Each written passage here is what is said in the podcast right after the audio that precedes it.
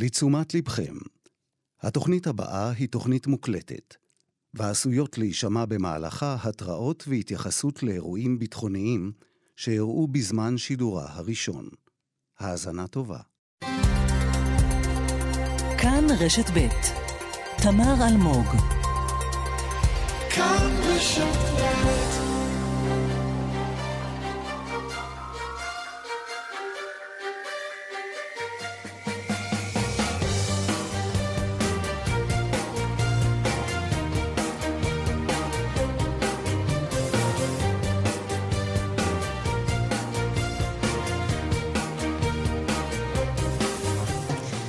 שלום לכם, סדר יום של יום רביעי, 138 ימים ששבעה באוקטובר. הבוקר הותר לפרסום, סמל ראשון אברהם רובהגן, בן 21 מנתניה, לוחם בחטיבת הנחל, נפל בקרב בצפון הרצועה. יהי זכרו ברוך. 134 חטופות וחטופים עדיין בעזה, עוד בגיהנום. החזרת החטופים היא דבר חשוב מאוד, אבל לא הכי חשוב. כך שר האוצר סמוטריץ' אתמול לרן בנימיני ויגאל גואטה כאן, בכאן רשת ב'. האמירות של בכל מחיר הן בעיה, גם את זה אמר השר, אבל נראה שיש תחרות קשה עם הבעייתיות באמירה שלו, שר בכיר בממשלה. מצד שני, הוא לפחות אומר בפומבי וביושר את מה שנראה שהוא מדיניות של אחרים שפשוט לא מכריזים על זה כך. אנחנו נדבר כמובן על השבת החטופים ועל מצב המגעים לעסקה ועל הלחימה המשמעותית בעזה, שמביאה גם לא מעט הישגים. ועל עוד משהו שבחיים הקודמים של כולנו היה תופס הרבה יותר מקום, הבחירות לרשויות המקומיות. זה קורה עוד פחות משבוע. איך מנהלים בחירות בזמן מלחמה? איך היא משפיעה על דפוסי ההצבעה שלנו? נעשה אייטם על זה בדיוק. וגם על הכוח הנשי, או היעדרו, וההשפעה במקומות שלא חשבנו. נהיה גם בהאג, בשני בתי הדין. אנחנו שם למעשה. ישראל אה, על שולחן הדיונים גם השבוע, פשוט בלעדינו. וזה לא הדבר היחיד שקורה שם בהולנד. נדבר גם על זה שהתובע של בית הדין הפלילי, באמירות שצריכות להטריד אותנו, והדוח שעוד רגע ישראל מגישה, ניתן תמונת מצב, ספוילר, לא בטוח שמעודדת. ועוד נושאים כמאמר הקלישה המדויקת ככל שיותיר הזמן. האורחים עמית שניידר ורבית לוי דמפסקי, בהפקה דנית שוקרון ידידיה ואביטל פיקובסקי, על הביצוע הטכני יאיר ניומן, שחזר אלינו ממילואים ארוכים בעזה, ברוך השב. כאן תמר אלמוג, נתחיל.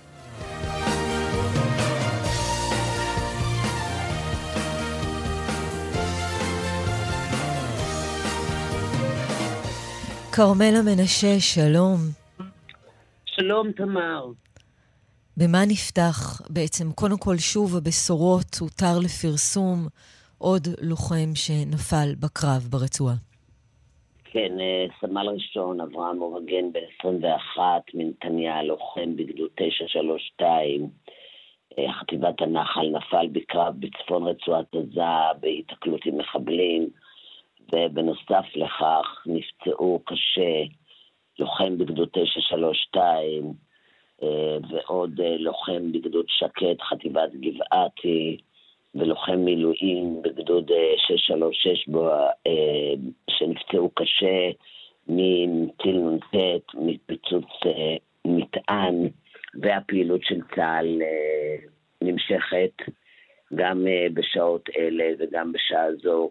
כוחות צה"ל ממשיכים לפעול גם, ב, אה, גם ברצועת עזה, גם בצפון, כשהרוב הפעילות שוב חוזרת על... אה, אנחנו שבים ושומעים אה, על מנהרות חדשות, על חיסול מחבלים, השמדת בית, תיית קרקע, איתור אמצעי לחימה של כוחות צה"ל. בתוך, ה, אה, בתוך, בעיקר בדרום הרצועה, אם כי גם בצפון הרצועה כוחות אה, פושטים, מטהרים, יעדי טרור, במרחב מחנות המרכז, בשכונת אל-בורג', נסרת, שכונות המגדלים ששייכים לפעילי חמאס. אה, זאת אומרת שהפעילות הזאת לא הסתיימה, למרות רשמית טיהרו את השטחים האלה בצפון הרצועה ובמרכזה, אבל הפעילות הזאת נמשכת בכל עת שיש מידע מודיעיני, בד בבד. עם הפעילות הזאת, אה, צה"ל ממשיך ותוקף אה, גם בשטח לבנון וגם אה, בסוריה, כפי שפורסם במקורות זרים, ובתוך שטחי יהודה ושומרון, כשהחשש הוא של התרחבות המהומות, חשש ממהומות סביב הר הבית, לקראת הרמדאן. הפעילות הזאת של צה"ל היא מאוד אינטנסיבית בתוך יהודה ושומרון. במהלך אה, כל הימים האחרונים, כל החודשים האחרונים. אה, צה"ל ממשיך שם אה, גם היום, גם אתמול, בפעילות בתוך שטחי יהודה ושומרון נעצרו 40 מבוקשים במהלך הלילה, כוחות צה"ל, שב"כ ומג"ב פעלו הלילה למעצר 40 מבוקשים בחטיבת הבקעה והעמקים וברחבי יהודה ושומרון. גם בג'נין, לוחמי דובדבן, סיירת חרוב, עצרו חשודים, חיסלו שלושה מחבלים, פגעו בנוספים, איתרו אמצעי לחימה וחשפו מטענים שהוטמנו מתחת לצירים כדי לפגוע בכוחות uh, צה"ל. כלי טיס של צה"ל תקף מחבלים שירו לעבר הכוחות. כלומר, הפעילות הזאת uh, של צה"ל נמשכת uh, בכל הגזרות, בכל הגזרות של uh, בכל הגזרות, חלק, מ... חלק מהמלחמה הכוללת, כמעט אפשר לומר אה, מלחמה רב-זירתית, בצפון אמנם לא קוראים לזה מלחמה, אבל זה פעילות שנמשכת ולחימה בדרום לבנון, גם צה"ל כבר מגיע לטווחים עמוקים יותר בתוך אה, השטח הלבנוני. כרמלה מנשה, תודה רבה לך על העדכון הזה. אנחנו כמובן yeah. נשוב אה, ונדבר ככל שיהיו עוד עדכונים. תודה, כרמלה. ושלום לסולימאן מסוודה, כתבנו. שלום, תמר. אז אנחנו חוזרים כל הזמן לאותה אמירה שעוררה באמת סערה אדירה של אה, השר סמוטריץ' שעל שחרור החטופים הוא לא הדבר החשוב ביותר, אבל האמירה הזאת גם מתקשרת למה שאתה מפרסם על איזה שהם, איך נקרא לזה, שינויים, התפתחויות? תראי, אה, אה, הייתי, הייתי מחכה קצת עם, עם, עם, עם כל הסממנים האופטימיים, תמר, מכיוון שאנחנו באמת לימודי ניסיון, לימודי ניסיון מזה שהמשא ומתן יכול להתקדם, והוא יכול גם לסגת לאחור ב, ב, באותה שעה. אבל ממה שאני מבין בימים האחרונים, יש לחץ אמריקני אה, גדול מאוד שמפעיל הנשיא ביידן, שמפעיל אה, ראש ה-CIA ברנס על אה, המתווכות, על, על קטאר, על מצרים, כדי שהן יעבירו את הלחץ הזה על, על חמאס, ויש איזשהו, איזשהו ניצנים של, של שינויים. עכשיו, אנחנו מבינים את זה בכמה מישורים. אחד, הביקור של ראש ה-CIA שהיה אה, כאן אה, בארץ, אה, באזור ובכלל גם, בפרט גם בישראל, שדיווח כאן לבכירים הישראלים על איזשהו שינוי שהוא מתחיל להרגיש בעמדת חמאס שהוא שומע דרך המתווכים, וזה נמשך בביקור של ברט מגורג, שהוא שליחו המיוחד של הנשיא ביידן לענייני המזרח התיכון, שמגיע היום לקהיר.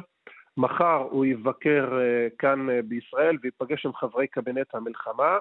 במקביל, אתמול, משלחת אה, של חמאס, משלחת בכירה, מבקרת גם היא בקהיר, מי שמשתתפים בה הם ראש הלשכה המדינית של, של חמאס, אסמאעיל הנייה, וגם הסגן של סנואר, חליל אל-חיה, כלומר, יש נציג מטעם אה, חמאס חו"ל ויש נציג גם אה, מטעם אה, חמאס פנים, מה שנקרא. כלומר, יש, יש שיח ער סביב העניין הזה, אנחנו עדיין לא יודעים אם, אם תצא איזושהי משלחת ישראלית לקהיר או לכל מדינה אחרת, זה באמת תלוי בשינוי בעמדת, בעמדת חמאס. אבל הטונים משתנים בקרב המתווכים.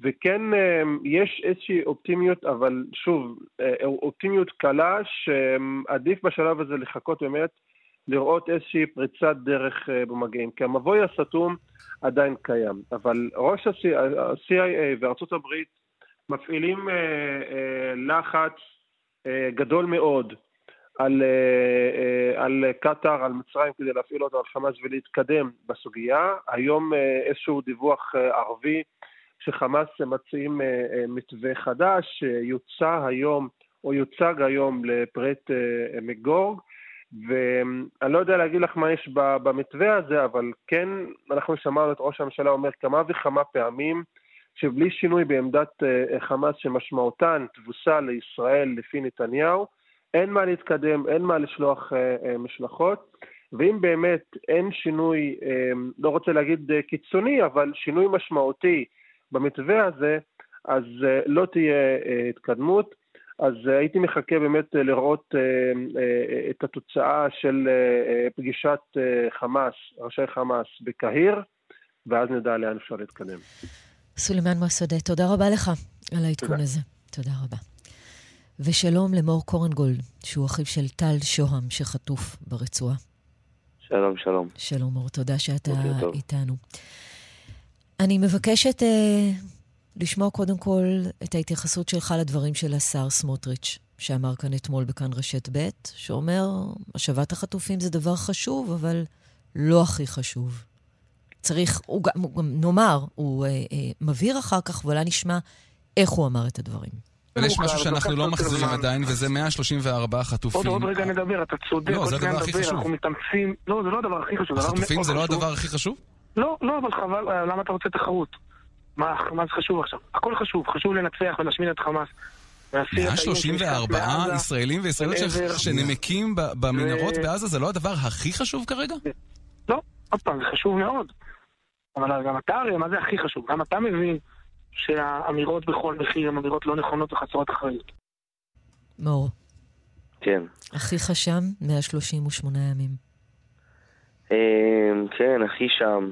אה, ואני אגיד לך על האמירות האלה, שבעיניי זה מאוד מזעזע, אבל אני לא מופתע מהבן אדם, זה כבר פעם שנייה או שלישית שאני שומע ממנו אמירות שקשורות לזה. אה, ואני רוצה להזכיר לו שמדובר בחיי אדם, ואח שלי אין לו עוד זמן. ואח שלי זה הדבר, ואח שלי ו-133 חטופים זה הדבר הכי חשוב שצריך להחזיר כרגע, כי אם לא נחזיר, אנחנו נצטרך לעשות משא ומתן על 136, על 134, סליחה, אה, ארונות. ארונות גבורה. אה, אז אה, סמוטריץ' היקר, במקום להגיד שזה לא חשוב ולהבין, צריך להבין שלא משנה מה נעשה, אנחנו נצטרך להחזיר אותם. נכון? בסופו של דבר, לא משנה מה נעשה, נצטרך להחזיר אותם. אם נחזיר אותם חיים, ואם נחזיר אותם מתים, המחיר יהיה מבחינת חמאס אותו, אותו מחיר, אם לא יותר גבוה, כשהם ימותו. את החטופים צריך להחזיר עכשיו. לסיים את הבעיות שלנו, יהיה לנו זמן ואנחנו נעשה את זה. הוא אחר כך מבהיר, שהוא אומר, הדרך להשיב את החטופים הביתה היא באמת להפעיל עוד לחץ צבאי וכן הלאה. אבל המסר הוא מאוד ברור, קודם כל הלחץ הצבאי. כן, אנחנו יכולים אה, להגיד שמצד אחד לחץ צבאי יכול לעזור, מצד שני לחץ צבאי גם מעלה סיכון מאוד גדול לחטופים. אה, אנחנו ראינו מה, מה קרה כבר בעבר. אה, כל הזמן אומרים לנו, אף אחד לא באמת יודע מה הפתרון הנכון ואיך להחזיר, אבל בסופו של דבר צריך גם ללמוד מהעבר. ובעבר אנחנו ראינו שהלחץ הצבאי שמדברים עליו, אם זה פעילויות מבצעיות להחזיר חטופים, או אם זה כל דבר כזה או אחר, בואו לא נהיה עיוורים ונשכח. נכון, היה לנו מבצע חילוץ אחד מוצלח, אבל עוד ארבע שלא. ועוד ועוד עוד ארבע שחזרו, ש, שהודיעו על, על, על חטופים שמתו מהדברים האלה. אם זה כי היינו באזור שלהם, או אם זה כי חמאס נלחצו, אם זה מכל, מכל מיני סיבות, הלחץ גם גרם לזה שימותו לנו חטופים. אז צריך גם לחשוב על הדבר הזה שלחץ זה לא רק לחץ, זה לחץ בעזרת אה, משא ומתן ובעזרת אה, אה, אה, אופק מדיני כלשהו, אה, אם אנחנו רגע נדבר על היום שאחרי שאין, אה, רק בעזרת זה נצליח להחזיר את החטופים. לחץ צבאי כלחץ צבאי לא יחזיר את החטופים. אף אחד לא ימסור לנו אותם כי אנחנו לוחצים על חמאס. פשוט לא יעבוד. וכמה אתה חושב שהאמירה שלו משקפת באמת את המדיניות גם של הממשלה כולה, שפשוט לא כולם אומרים את הדברים בצורה גלויה? אמ, אני לא מאמין שהיא משקפת את כלל, אה, את כלל, ה... את כלל בעצם הדעות של, של הקבינט. כן, יש דעות אה, דומות, אה, אבל אף אחד לא, נראה לי, אני רוצה להגיד שגם אם אנשים חושבים ככה, הם לא יבואו ויגידו את מה שכמו שסמוטריץ' אומר, שמעבר לזה אם זה נכון או לא נכון מבחינה מבצעית, זה הדבר הכי, הכי, הכי לא רגיש ש... שמישהו יכול להגיד. אה, ו... ובאמת, אני נפגעתי כאילו מהאמירה הזאת ברמה של האישית. באמת נפגעתי, בשם אח שלי. אפשר להבין לחלוטין. מישהו, אגב, מדבר איתכם, בין אם מטעמו של סמוטריץ', בין אם מישהו אחר מהממשלה אומר, תשמעו, הכוונה היא ככה, אה, מבהיר משהו? לא, לפני זה אף אחד מטעם סמוטריץ' לא דיבר איתנו, ואחרי זה אף אחד מטעם סמוטריץ' לא דיבר איתנו. אם לומר את האמת, ברמה האישית, אני לא רוצה שגם ידברו איתי. לא, לא, לא צריך שהוא יסביר את, את, את מה שהוא אמר שחור על גבי לבן. אין צורך שהוא יסביר את זה. לא צריך שהוא יגיד לא התכוונתי, וראיתי שעכשיו הוא הוציא איזושהי הבהרה אה, שהוא איתנו ומחזק אותנו, ו... לא צריך. אמרת את הדברים, פגעת בי, שלך תעמוד, פגעת במשפחות החטופים, תעמוד מאחורי זה, אל, לא צריך שיתקשרו אליי ו, ויסבירו לי. אתה, אח שלך, כמו שאמרנו, טל, חטוף בעזה, מ-7 נכון. באוקטובר. משפחתו, אולי, אולי תספר אתה, אנחנו זוכרים את חזרתם הביתה של בני המשפחה האחרים, אולי תספר אתה גם על מה שלומם. ילדיו חזרו. נכון, ילדיו ואשתו חזרו. חזרו גופנית. נפשית הם עדיין בעזה והם צריכים את אבא שלהם. אה, מצבם הנפשי, כמו שמשתמע מכך, הוא לא טוב. כי אה, אי אפשר לחזור לשגרה ואי אפשר לחזור לדברים ואי אפשר לשקם את הנפש שאבא שלהם עדיין שמה. והילדים לא מפסיקים לשאול על אבא, ואשתו כמובן צריכה אותו. אמ, ובשביל זה צריך להחזיר את כולם, כי כמו שהילדים אה, שלו לא יכולים לחזור להשתקם, יש עוד ילדים כאלה ועוד הורים כאלה ועוד אחים כאלה ועוד המון המון בני משפחה שלא מצליחים לחזור להשתקם עד שכולם, כולל כולם, כולל הגופות, כולל כולם יחזרו לבית, למדינת ישראל.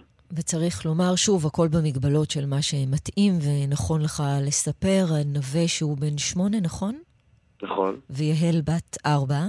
נכון. הילדים של טל, שהוא הציל אותם, צריך לומר. שהוא הם... הציל אותם, נכון. שהוא ב- ביחד עם אבא של אה, אשתו, של אח שלי, עם אה, אבשלום, זיכרונו לברכה, שנרצח בשבת השחורה. הם קיבלו החלטה אה, בזמן שהם מחבלים בתוך הבית שלהם ובזמן שהם אה, תקועים בממ"ד, להתחיל לנהל משא ומתן עם המחבלים. ובעקבות המשא ומתן הזה, הוציאו אותם בעצם וחטפו אותם, בניגוד ל, ל, לאזור שהם לא היו בכלל רחמנים והם היו, והרבה, היו שם הרבה מאוד הרוגים. אה, הרבה נרצחים. אה, אז אה, בזכות ההחלטה הזאת של לבצע משא ומתן עם המחבלים, אה, מה שהציל בעצם את כל המשפחה. וזאת החלטה באמת שבאותם רגעים זה לא גם שיש נתונים שאפשר לדעת מה קורה. הילדים, אגב, מספרים, הם מדברים על זה, הם, הם זוכרים את אותם רגעים שאבא בעצם נלחם עליהם, וגם אימא שלהם צריך לומר, אבל הם... כן, הילדים, הילדים אה, מדברים על הדברים. אה, אנחנו לא שואלים, אנחנו נותנים להם לדבר. הם ראו מבחינתם את אבא יוצא מהחלון ונחטף, הם לא יודעים יותר מזה, מאבא. אבל הם רוצים אותו בבית. אבל הם רוצים אותו בבית ואנחנו רוצים אותו בבית. זה, אתה אומר שהחיים שלהם בעצם, זה, הם, לא, הם לא חזרו משם לגמרי. לא, לא, בכלל לא. איך אפשר? כן. מה ששוב, אנחנו לא רוצים אה, כמובן אה, מה שנכון לך לומר ולספר, אבל כן, אם יש במקרה אפשרות שטל שומע אותך, מה היית רוצה לומר לו? אם הוא שומע אותי, אני רוצה להגיד לו שיהיה חזק ושאנחנו עושים הכל על מנת להחזיר אותו. ו... וזה עוד רגע, אנחנו קרובים, ואני אוהב אותו. אה, וזהו, פשוט רק שיהיה חזק, זה הכי חשוב. ושהילדים ועדי אשתו בסדר, וכאן בארץ. ושהילדים ועדי כמובן אשתו בסדר, ושאנחנו שומרים עליהם ומגנים עליהם, ומחכים לו שיחזור. שיר? שאתה רוצה להקדיש לו? אה, נראה לי קרן שמש. אה, שיר ככה... עם אופטימיות. כן. מור קורנגולד, אחיו של טל שוהם, תודה רבה לך שהיית איתנו, והלוואי והאופטימיות הזאת גם תלווה את חז... חזרתו של טל, יחד עם כל החטופות והחטופים הביתה. תודה רבה. תודה לך. אל תבכי, כמו הגשם, לא חבל על הדמעות. יד חמה מבקשת לחבק אותך שעות, אשים שירים שאת אוהבת.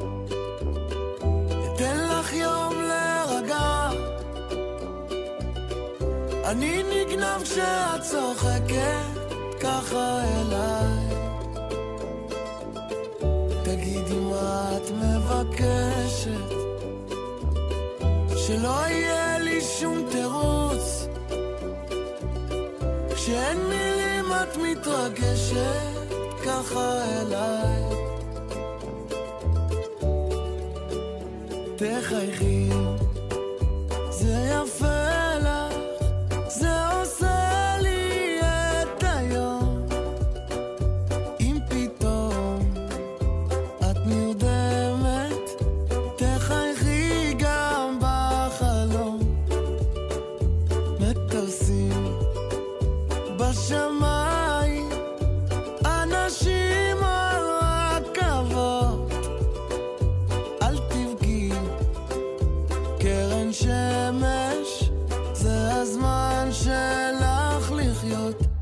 אשים שירים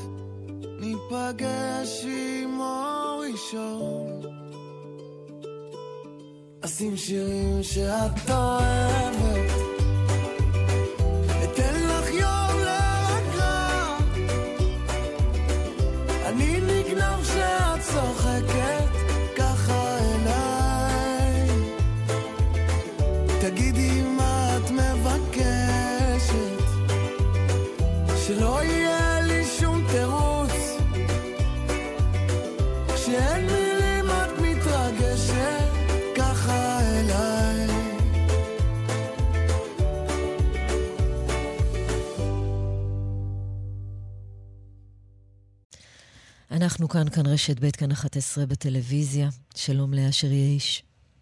שלום וברכה. אביו של רב סמל במילואים אורי יאיש, שנרצח בפיגוע בצומת ראם. קודם כל, אנחנו מבקשים להשתתף כמובן בצערך ובצער המשפחה. תודה רבה לכם. ספר לנו קודם על יום שישי רק האחרון. שנייה, רק שנייה אחת, אני בדיוק תפסתי ואני יושב כאן, עומד כאן עומדים בדיוק ארבעה חיילים, דווקא באו לבקר את האח שלו. עומדים כאן לידי, אז אני, בואו תעמדו כאן, אני, אני עם קרן קרן נויבך, נכון? תמר, כן, היום תמר, אני מחליפה את קרן היום. אני, כן. אני, אני כרגע עם, עם קרן נויבך ברדיו, ואני מדבר איתה ואתם, מקשיבים איתי לשיחה שלי איתה, בסדר? מספר לכם על אורי? אני עובר לה, אני אעבור לשם. אורי- מספר לכם על, אורי שלי, ואתם תקשיבו תוך כדי זה, בבקשה, תודה. אני איתך. כן, אז אה, הנה, זאת הזדמנות. אתה יודע מה? מה אתה רוצה לספר להם ולנו? זה, זה, אני יודעת שזה אני בלתי רוצה לספר אפשרי. הכל, אבל תכוונו אותי, כאילו, מה... כן, אז הנה. אז אני רוצה קודם כל לשאול אותך על יום שישי האחרון, על הפיגוע, וכי קרה משהו מאוד, הבחירה שלך הייתה שאתה תספר לאשתך שאורי נהרג ולא מי שהגיעו להודיע. בוודאי, בוודאי. זה לוקח אותי באמת להתחלה של אורי, הרי במשפחה שלנו, כי אנחנו כזוג, גם אוהבים ככה להסתכל על עצמנו, וככה גם גידלנו את המשפחה שלנו, זוג שבעצם אה, התאהבו. באהבה עיוורת. אשתי חיה, אישה מאמינה, דתייה, ובעלה איש אינו מאמין, לא דתי, ובארץ יש משהו שמחלק בין בני אדם זה האלוהים. תמיד, לצערנו. ושורשיות, מרוקאית, אני תימני, אני עקשן, עקשנית. אמרנו, אפשר להקים בית, אבל צריך לנתח הכל. כשבגילים ילדים חיפשנו עיר לגור בה. לגדל בית ילדינו. מצאנו את מודיעין. אורי שלי היה אחד מהמחזורים הראשונים של בית ספר יחד במודיעין. שהייחוד שלו שהוא קם על ידי הורים שגם כן, כנראה אותו סיפור שלי ושל רעייתי, שהתאהבנו ובאנו מעולמות שונים לגמרי, בדרך כלל זה החילונים ודתיים, ורוצים עדיין מסגרת שתיתן גם את זה וגם את זה. רצינו לחיות עם, להרגיש בלי לחיות עם, אבל, אבל הכל ביחד, סינתזה אחת גדולה, והצלחנו. בית הספר שהצליח מאוד. כן, קהילה נהדרת, קהילת אה, יחד. קהילה מדהימה. ואורי, כמו שאתה אומר, אור, הוא הבוגר שלה, אבל אני בין חוזרת... הראשונים, כן. בין המחזורים הראשונים. היה לי בן ראשון שהלך לשם בבית הספר, שזה אף פעם לא מצליח מיד. המחזור הראשון די התפרק. והילדים האלה עברו ללמוד אחר בישיבה, כלומר בחינוך הרגיל שהיה קודם, אבל התעקשנו לגבי הדורות, דורות ההמשך, וכולנו התעקשנו כנראה, לא רק אני, לא רק אני, כולנו זה היה אותו עניין, אותו חלום, והצלחנו בשעה טובה, ומודיעין היום רואה את עצמה גם בזכות בית הספר הזה, כמובילה כל מיני רעיונות מדהימים. ואנחנו כך שמחים שהוא גדל באווירה הזו של מודיעין. ואתה יודע, אני רוצה לשאול אותך, אשר, על אה, עוד על אורי. מיד נדבר גם על זה, אבל אני מבקשת, אם זה בסדר מבחינתך, לחזור לנקודה הזאת, באמת שאתה בוחר לספר כן, לאשתך ולא כן, המודיעין. כן, בדיוק. עכשיו ככה, זאת אומרת, אנחנו תמיד היינו את החיים כגורל משותף. כשאני מגיע למקום שבו אומרים לי, מי, מי המשפחה? זה אתה. אורי הוא תוצאה של שנינו, הוא חלום של שנינו. מי יבשר לאשתי? ואנחנו כבר, היא שלחה אותי כבר לפני שעתיים, תבדוק מה קורה עם הבן, אבל כל זה בסוג של רמיזה. ותנסה להרגיע אותי כי רואה טלוויזיה והיא חושבת שיש גרוע, ועכשיו אני הולך למטה ונפגש עם שוטרים, ואני פתאום רואה שוטרים ושם שוטרים, ומנסים לפגוע, לפתוח אירוע של חטיפה, ופתאום מגיעים שלושת הקצינים ועוברים שם לידי, ואני, ואני סתם, אני ככה רואה אותם, ואני, ואז הם שואלים את ה... לבית הקודם, איפה זה בית מספר 122? ואז אני אומר להם, למה אתם צריכים את בית 122 זה? כי זה הבית שבו אני גר. אז הם אומרים, למה, מי אתה? הם אנשים, בדיעבד התברר. הוא אמר לי, כשהוא ראה אוטו משטרה, בחור רוכן לתוך אוטו משטרה, הוא אמר, הוא הבין שאני אבא. כאילו, את יודעת, מלאכים אני קורא להם, ואז אני, לוקחים אותי לפינה ואנחנו מנהלים דו-שיח כאילו עקדת יצחק, מי אתה, אבא של אורי, אה, אה, מי אתה, אשר, איזה משפחה, אז אני אומר לו, יאיש, אז הוא אומר לי, מי, אה, אתה אבא של אורי? אני אומר לו, כן, אז הוא אומר, יש לי, יש לי משהו לומר לך.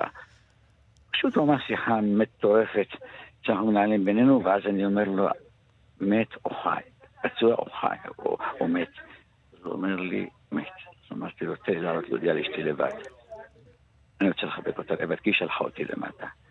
אני צריך לתת את הבשורה. כי הרי אין בשורה אלא בשורה רעה, תמיד אמרתי את זה. אני פותח את הבית, היא ראתה אותי, היא ראתה את הפנים, היא הבינה מיד, מיד, מיד הבינה. בדיעבד היא אומרת שהכל היה כתוב. אולי אני אספר לכם עוד סיפור אחד דווקא על הצעה של אשתי, איך היא רואה אותו. אולי בזה אני אסיים, אספר, ושתביני את הרוח שמובילה את אשתי. אשתי אישה מאמינה, כמו שאמרתי. היא רואה את החיים בצורה של מאמינים, והיא טוענת, כמו אישה מרוקאית נהדרת, שהחיים היו כתובים מראש, אבל יודעים כמו כל יהודי רק בדיעבד, שבעצם הכל כתוב מראש. וביום רביעי היא הולכת לחנות צימצקי לקנות ספר לעצמה. יום רביעי, יומיים לפני יום גם לפני שהוא הילד הולך מתגייס, הילד מתגייס למילואים ביום רביעי. והיא הולכת, והיא מסתובבת באותו יום לקנות לעצמה ספר בסנימצקי, והיא רוצה לקנות ספר שהרבה רוצים לקרוא אותו. הספר נקרא אישה ברוחת מבשורה. היא לוקחת את הספר, היא אומרת, היא מספרת בדיעבד כמובן, הרי זה לא בדיעבד, היא לא הבינה שזה אומר בעיני משהו, בעיני אומרת, זה אומר, זה רק בדיעבד זה אומר לה שכאילו היה סימנים מקדימים. היא לוקחת אותו בידיים, היא מעיינת בו, רוצה לקנות אותו, פתאום אומרת, רגע, אני לא מסוגלת לקנות ספר כזה, יש לי שני בנים כרגע בצבא. זה לא ספר שאני מסוגלת לעכל עכשיו בבית. מחזירה אותו למדף וזוכרת שהיא צריכה לקרוא אותו פעם. ועכשיו? וזה קרה ביום רביעי. הבשורה מגיעה. זה, וביום שישי, תאמר, תספר לנו, זהו, תספר לנו על אורי ועל המילואים, כמו שאמרת, הוא, הוא גויס למילואים, הוא כבר היה במילואים קודם, שוחרר, ואז בעצם גויס שוב. אורי, אורי גויס בצו שמונה כמו כולם, בסביבות לשביעי לעשירי, והלך עם החטיבה שלו לכיוון עזה, שם ישבו, הוא היה בסך הכל שליש, הוא לא היה לוחם, אני כך שמעתי שהשני שלי לוחם, אז אה, אני רגוע באזור הקשה, במסוכן, השני בשומרון. כאילו באותו זמן, למה. והוא יושב שם, והוא יושב שם בצו שמונה, והוא עושה עבודה של ידיעה, סיפור לי, לא יודעת אם הוא עושה שם. בעיניי, לא יודע מה עושים מלחמה, אני כבר בגיל 63. ואני חשבתי ש... והתברר שהוא עשה עבודת קודש. אני לא, אני לא, אני לא יודע אם להעריך אם תרצי, זה אותם אלה שבעצם לוקחים, אם את מכירה איך זה עובד, שאימא שולחת לבן שלה וואטסאפ והבת שולחת לבן הלוחם שלה בעזה, זה עובר דרך שיושבים אנשים ומעתיקים מילה במילה. ומה שכתוב במכתב לדף אחר, שדף, וכדי להעביר אותו עם תמונה שהם עורכים אותה והם מצלמים, לפעמים אולי מוסיפים חיוך ושולחים את זה לעזה לאותו אחד, והוא לוקח מחברות של עזתים שכתוב לו בערבית, עושה משהו, שולח את זה חזרה, חזרה, נכון, אני צודק, נכון? שולח את זה חזרה למפקדה, במפקדה לוקחים את זה מעתיקים. אם הילד, אם מבינים שזה חשוב שזה יהיה בכתב יד, מעתיקים בכתב יד, ואנשים עושים את זה, חיילים שלנו, אנשים מקסימים מדהימים, לא ישנים בלילות בגלל זה. עושים בכתב יד, אלא אם חלק עושים בכריאל, אחר כך אומר לא, עושים כאן דוד, זה לא מתאים אריאל, ועד שהם עורכים יפה, הם עושים ציור, שלחים את זה להורים, כן. וככה מנהלים דו-שיח של מלחמה לכאורה נורמלית, מנהלים את המלחמה. אבל מה לעשות? אבל... אנחנו כולנו יחד. אנחנו בהחלט כולנו יחד, אבל אתם ב, כמו שאתה אומר, יש לכם בן לוחם. עושה, וזה מה שאורי כן, עושה את, שם. אתם דואגים לבן הלוחם. בוודאי, ולאורי, ולאורי אתם. כן, לאורי אתם. ולכן אתם גם לא חושבים ביום AI לא שישי שהוא שם. יושב ועורך ועושה דברים מדהימים ושולח להם סרטונים ודואג שכולם יהיה שמח והם מספרים לאנשים שאולי הוא ישן עד שהוא לא גומר עד כי יודעים שמחר בבוקר רוצים להעביר את השמית עד שכולם מקבלים. כזה הוא היה פדנט, אורי? מה, מה אתה לא יכול יודע, לספר אור- לנו? אורי לא היה פגר, אני לא נעים להגיד לי, לכל אחד הבן יכיר לה, יכיר לו, באמת הבן יכיר לי, אבל אני מכיר, הכרתי בן, אני אתן לך דרך סיפור אחר. כן, ספר מי זה היה. אורי, עוד מי היה אורי, באים אליי חבר, מי אתה? אז אומר אני שי, מי אתה החבר הכי טוב של אורי? אביאל, מי אתה החבר הכי טוב של אורי? מי אתה? מי את, שרי? שרי החבר הכי טובה של אורי. את מכירה את שי? אומרת לא, מי זה שי? ברור ששי זה קבוצה אחרת, וזה קבוצה אחרת, וזה קבוצה אחרת, והוא חבר של זה, וכולם חברים טובים שלו. ויש, מתברר שהיה לי בן שהיום כיהודי, אם הייתי שואל אותי מי זה היה בני, זה היה הלל, אוהב שלום ורודף שלום. Mm. הוא היה חכם ויצר קשרים ודאג שאנשים ישלימו כדי שהם יהיו חברים שלו והוא, והוא מביא לי היום, הוא מביא לי כל יום מאות אנשים לפה שבאים לכאן, מחבקים אותי, אומרים לי, הוא חבר הכי טוב שלי, חבר הכי טוב שלי, חבר הכי טוב שלי, חבר הכי טוב שלי. ולא זזים, הם באים עוד פעם ועוד פעם. אנשים יוצאים לחופש, בני אדם, הם כולם מבוגרים, הם כולם מילואימניקים, הוא, הוא בן 27, אבל המילואימניקים בני 36, הוא יוצא לחופש לארבע שעות הביתה לילדים שלו, הוא עושה ארבע שעות אצלי בבית, הוא לא בבית שלו, אף אחד לא שלח אותו אליי. כן. אבל הוא ישב עם אורי, ואורי נתן לו קצת מהאור שלו. אורי נבחר כשם מיוחד, אשתי בחרה את השם הזה עם, עם, עם בתי הבכורה, כשם שמסכם את כל השמות של בני המשפחה. א' מהאייל, ש- מהאייל שלי, הו' מהתום שלי, והר' מהאשר, וה- ו- זה, ככה הוא נבנה בשם שלו, והוא היה כזה בסוף. הוא היה אור, אור. למלא, מלא, מלא אנשים. הוא היה אור. זה מתאים אותי, אבל אני יודע את זה. זה- את יודעת, זה, זה, זה, זה צריך לנחם, אבל זה לא מנחם, זה רק מראה ש... שאתה מאבד לפעמים דברים שלפעמים, לא יודע, אני, הבן שלי, אבל אולי פעם בדור יש לך פרח כזה. אורי האיש אה, נרצח כאמור בפיגוע בצומת ראם. אשר, תודה רבה לך שדיברת איתנו. תודה רבה. אני מודה לך, אני מודה על ההקשבה. תנחומינו. הפסקה קצרה ונחזור. סדר יום כאן, רשת ב' כאן 11 בטלוויזיה. שלום לאלוף משנה במילואים טלי לנקרי. שלום תמר, לש... לשעבר סגנית ראש המל"ל. את יודעת, דיברנו הרבה, כאמור, על האמירה של mm-hmm. השר סמוטריץ', אבל אני רוצה כן לפתוח איתך באותה משוואה שהפכה למקובלת, שאי אפשר במקביל עסקה להשבת חטופים ומיטוט חמאס. את שותפה לתפיסה הזאת, למשוואה הזאת?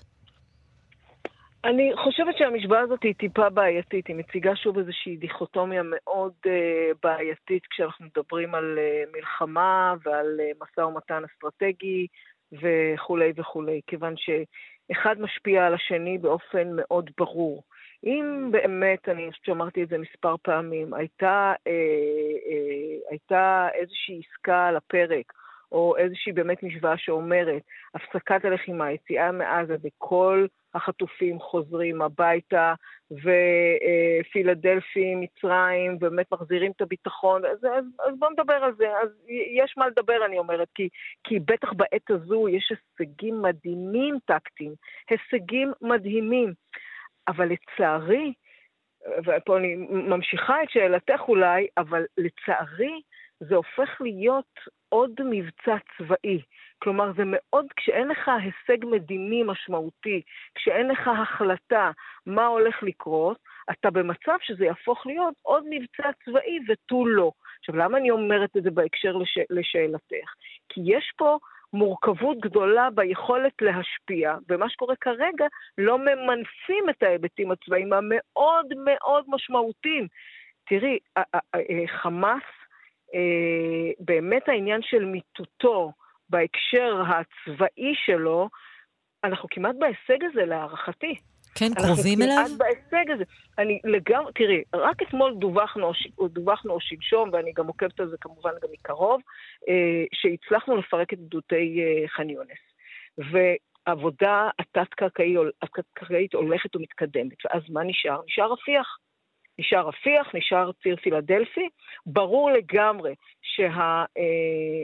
שהאופן שה, שבו אה, הורדנו גם את היכולות הצבאיות הטקטיות של הפעילים של חמאס, של המחבלים, של, המנ... של המפקדים, זה דבר אחד. דבר שני זה הפיקוד ושליטה המאוד, אה, אה, המאוד כמעט ולא קיים שם, כי אה, אה, הרסנו את הכל, הרסנו את החמ"לים, הרסנו אה, הרבה מאוד ממתחמי התת-קרקע, הגענו למודיעין. השאלה, אלוף במילואים טליה לנקרי, כמה זמן ישראל יכולה להמשיך בלחימה כזאת ולשמור על ההישגים?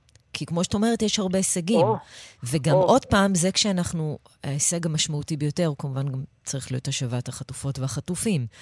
אז כמה זמן עוד אפשר להמשיך? או, oh, אז כמה זמן לדייק אותו בזמן, אני לא יודעת. אבל מה גורם למלחמה להסתיים?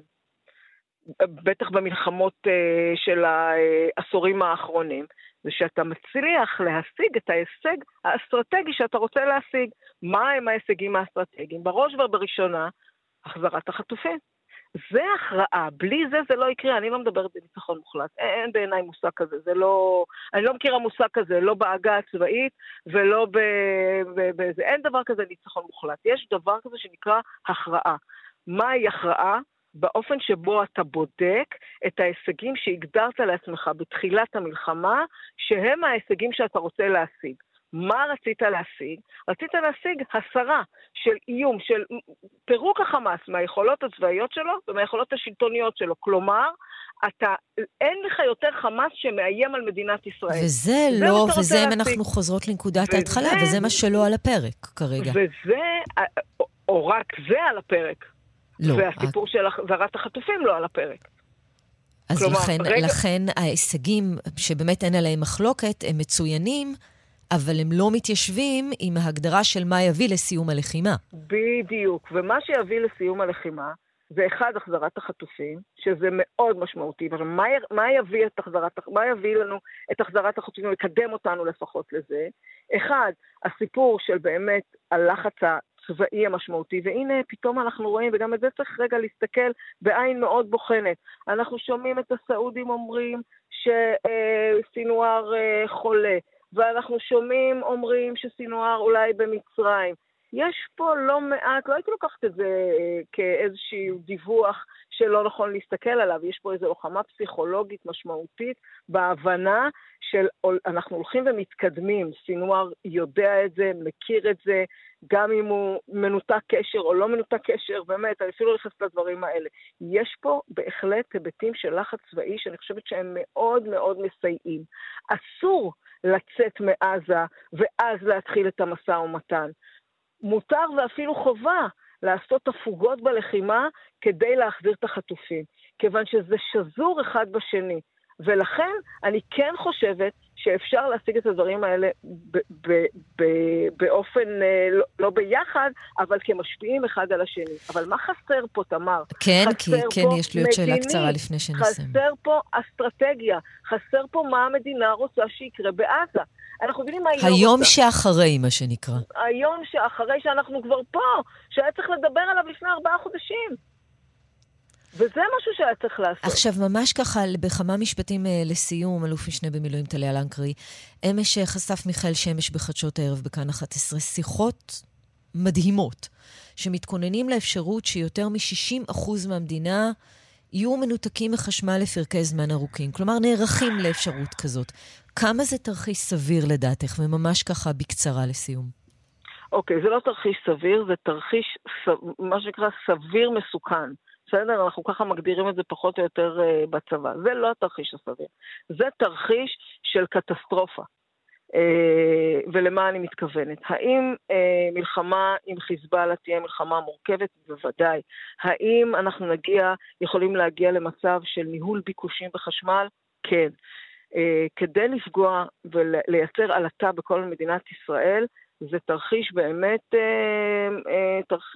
עוד פעם, אני נזהרת בדבריי, כן, תמיד אה, דברים יכולים להיות אחרת, לפחות כמו שאני מסתכלת ומכירה ויודעת את הנתונים, אה, תרחיש אה, קיצון שבו אתה אה, כמעט ולא מצליח כן. אה, לייצר הגנה. נקווה, אה, נקווה שנערכים וזה לא יקרה. בדיוק. בדיוק. ההיערכות כן. תהיה חשובה, לא הסיכון. אלוף משנה במילואים טליה לנקרי, תודה רבה לך שהיית איתנו. תודה, ושנדע ימים שקטים, ומהר להחזיר את החטופים. אמן תודה. ונכון. תודה רבה. שלום ליאת רגב ומוטי אלמוז. שלום. שלום, שלום. שלום. איפה שלום, אתם? תמר. אתם כבר זהו? אתם כבר בכפר תבור? מוטי בכפר תבור כל הזמן. אה, זה נכון. והוא מחכה לי, משדרים לו בערך לשם. מהחצר. בדיוק, ואני בדרך לשם, כי אנחנו בשעה שלוש, בשידור משותף, שכל כולו הוקרה ותודה לחקלאים הנהדרים של מדינת ישראל בכל רחבי הארץ, אבל בוודאי בעוטף ובצפון, שנמצאים עכשיו בקשיים גדולים מאוד. אז נאמר זהו, שיש היום משדר משעה שלוש, רשת ב' אה, אה, למען אה, חקלאי ישראל במלחמה, מסגרת הפרויקט של דברים ששומעים מכאן. ומה צפוי, אה, במה בעיקר תעסקו? כי בעיות של חקלאיות וחקלאים יש אין ספור, במיוחד בתקופה הזאת. תשמעי, את מדברת עכשיו עם אחד החקלאים הבכירים בישראל. אנחנו מכירים אותו, אלוף במילואים מוטי אלמוז, היה דובר צה"ל, היה ראש אכ"א, אבל אני אומרת לך שהוא קודם כל חקלאי בנשמתו, אוהב את האדמה, אוהב את עבודת האדמה. אז מה לדעתך, מוטי, הדבר החשוב ביותר שצריך לדבר עליו היום? כי החקלאות זה ערך אה, משמעותי מאוד, ואדמת ארץ ישראל זה ערך משמעותי מאוד, אה, גם בשנים... שהמדינה, לשמחתנו, מאוד התקדמה ומשגשגת וכולי, לא, לא נטשנו את האדמה ולא לא הכרנו בחשיבותה. כן. ועכשיו, כן, ועכשיו, על מה צריך בזמן הקצר שנותר לנו, אם אתה יכול לתת לנו בכותרת, על מה לשים את הדגש מהכי חשוב שהמדינה תאפשר כעת? או שאנחנו כאזרחים יכולים לעשות? שנדאג שביטחון המזון זה לא להפוך את זה מסיסמה או מכותרת למשהו מאוד פרקטי. שנדאג אה, להמשיך לפתח את השדות והמטעים. שנדאג שהדור הבא הצעיר ייקח את המושכות מהחקלאים הוותיקים. שנראה בזה עבודה מאוד אה, מכבדת, כי עבודה מאוד מאוד חשובה ומאוד מכבדת. תראי, תמר, אל תשכח, אנחנו ראינו במלחמה האחרונה ש, שאנשי העוטף חקלאים, לא רק כמובן, גם הוקרה לאנשי שדרות ואופקים, אבל כל האנשים שם, ההתיישבות בדרום וההתיישבות בצפון, הם באמת קו מגן של מדינת ישראל, ששילם מחיר כבד, ולדעתי המדינה צריכה לעשות עכשיו הכל כדי לשקם אותו. ובכלל החקלאות נמצאת בקשיים גדולים, כלכליים, מתחרה עם יבוא גדול, מתחרה לפעמים עם קשיי אקלים ופגעי טבע, והחקלאים לא מקבלים את הפיצויים שלהם בזמן. יש המון מה לעשות למען החקלאים. אגב, גם אני מושבניקית במקור, רק רציתי להגיד ככה בשקט. אה, באמת? סנטימנט כן. ליאת, גם תמר לא ממש רחוקה מהעניין הזה של החקלאות. אני יודע באופן אישי. כן, נכון. זה אה, ניסויים לתוך אה, אה, חקלאות וקיבוץ, זה נכון. אה, נכון, נכון, אני רואה את התמונות שלך מהקיבוץ. נכון. תשמעי, אנחנו נוסעים לכפר תבור, שזה באמת כאילו מקום כל כך שורשי, בית הספר כדורי ליד זה, היום נמצא שם בית הספר של אדם באדמה, ששם יש חבר'ה צעירים שעובדים כמה שעות חקלאות ביום מוטי? שבע, שמונה? כן, שבע. אני עבדתי איתם. את לא מאמינה, חבר'ה חרוצים, קמים מוקדם בבוקר, יוצאים לעבוד. הכי מוקדם. בזיתים, בקטיף, הביאו איתנו גם כן. אנחנו נדבר עם מנכ"ל משרד החקלאות. נפנה אליו הרבה מאוד שאלות, נדבר על כדורי, על פארק כן, נקווה שגם יהיו הרבה תשובות, ונקשיב לכם משלוש, בכאן, כאן רשת ב'. ליאת רגב, מוטי אלמוז, תודה רבה לשניכם. תודה. ושיהיו תשובות לכל השאלות האלה. תודה רבה לכם, ותודה רבה לכן ולכן, אה, ואנחנו כאן, סדר יום, גם אחרי החדשות של השעה 11. תישארו איתנו.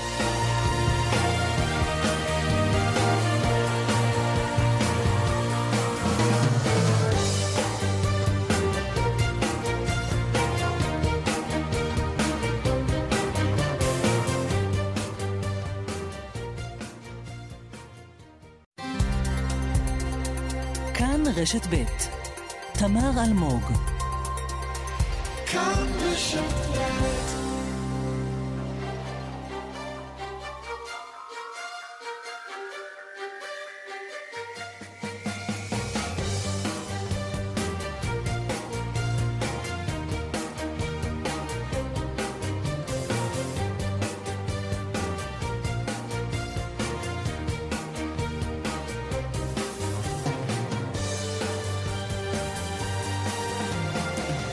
שלום לכם, אה, סדר יום, מהדורת יום רביעי, כאן רשת ב', כאן 11 בטלוויזיה. הצוות האורחים עמית שניידר ורבית לוידמסקי, דנית שוקרון ידידיה ואביטל ביקובסקי בהפקה, יאיר ניומן על הביצוע הטכני, כאן תמר אלמוג. עוד מעט נדבר על הבחירות לרשויות המקומיות, כמה זה מעניין אותנו, כמה אנשים מועמדות, איך זה משפיע. אבל, ונדבר גם על האג ועל הסטודנטים שחזרו מהמילואים, אבל עוד קודם, משה שטיימץ כתבנו שלום. שלום, תמר. עדכון שלך על אסיר ביטחוני שמת בכלא. נכון, אה, רק לדייק, אה, הוא מת בעצם בבית החולים, אסף הרופא אחרי שהוא פונה לשם אה, אתמול מבית הסוהר נפחא, והמוות לכאורה מאיזשהו עניין רפואי שהיה לו, הנסיבות כמובן אה, לפי שב"ס חוסות תחת אה, צינה, אה, המידע הרפואי, אבל מדובר באסיר מעניין, אחד המחבלים הבכירים שישבו בכלא בישראל, חאלד ג'מאל מוסא שוויש, מי שהיה ראש התנזים ברמאללה, ונתפס על ידי הימ"מ ב-2007, הוא נשפט בישראל להרבה מאוד מאסרי עולם, ואחראי אה, לכמה מהפיגועים הקשים בתקופת האינתיפאדה השנייה, בין השאר לרצח בני הזוג בנימין וטליה כהנא, לפיגוע התאבדות במרכז אה, ירושלים, פיגוע ירי בגבעה הצרפתית ושילוח של מחבלת מתאבדת למחסום מכבים, פיגוע שהסתיים אז בפציעה של שני שוטרים, כמו שאמרנו, הוא נשפט להרבה מאוד אה, מאסרי עולם. אתמול הוא פונה מבית הכלא נפחא לכסף הרופא, בגלל איזושהי בעיה רפואית שהייתה לו, ובבית החולים נקבע מותו. משה שטיימץ, תודה רבה לך על העדכון הזה. תודה. ומכאן לסוריה ולת... ולתקיפה שהייתה שם, שלום לאורי חיים כתבנו. שלום תמר, בוקר טוב. אז כן, מה ידוע? כן, תקיפה שמיוחסת לישראל בסוריה, בשכונת uh, כפר סוסי שבבירה uh, דמשק. על פי הדיווחים, uh, מניין ההרוגים או המחוסלים הראשוני בתקיפה הזאת עומד על שלושה. הרוגים אלה דיווחים ראשוניים שם ייתכן שהיו עוד כמה פצועים. בסוכנות הידיעות הסורית הרשמית טוענים שזו תקיפה שמתבצעת באמצעות כמה טילים, אם אנחנו מסתכלים על עוד דיווחים בתקשורת הערבית, שלושה, ארבעה טילים, לעבר למעשה אה, דירה במבנה מגורים באותה שכונה, מבנה אה, שנמצא באזור, אה, מה שנקרא שם בית הספר האיראני, ככה מדווחים, מציינים באחד הדיווחים שם, באמת אם מביטים על התקיפה אפשר אה, לראות שהיא כוונה לעבר דירה ספציפית, ממש באחד מהסרטונים אפילו יכולים לראות את השכנים בדירות האחרון, האחרות יוצאים מהחלון ומסתכלים, זה היה מאוד מאוד מאוד ממוקד, ומקורות סורים אומרים לערוץ סקיי ניוז בערבית, המטרה של התקיפה הישראלית בדמשק היא אישיות איראנית, וכמו שאמרנו, יש טענות בתקשורת הערבית שמדובר אכן בחיסול ממוקד אה, שם. נזכיר כאן אנקדוטה, תמר, מי שחוסל בעבר, ב-2008, באותה אה, שכונה בדיוק בדמשק, היה בכיר חיזבאללה עימאד מורניה, ובאופן כללי, גם נזכיר, יוחסו כבר בחודשים האחרונים במהלך המלחמה פעולות חיסול מצד ישראל לעבר גורמים איראנים או של חיזבאללה בסוריה ובאזורים שונים.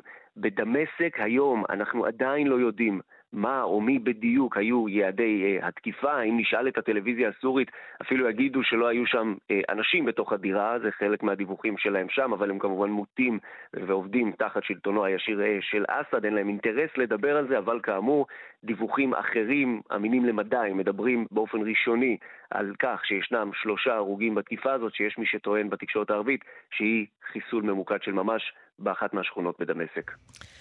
יש לי תחושה שעוד נשמע על זה. עמרי חיים, תודה רבה לך שהיית איתנו. רבה. פחות משבוע לבחירות ברשויות המקומיות. שלום ליעל יחיאלי.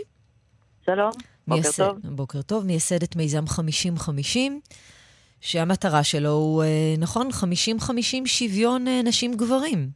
נכון, בכל מוקדי קבלת ההחלטות. מתי, אגב, את אה, מייסדת את המיזם הזה?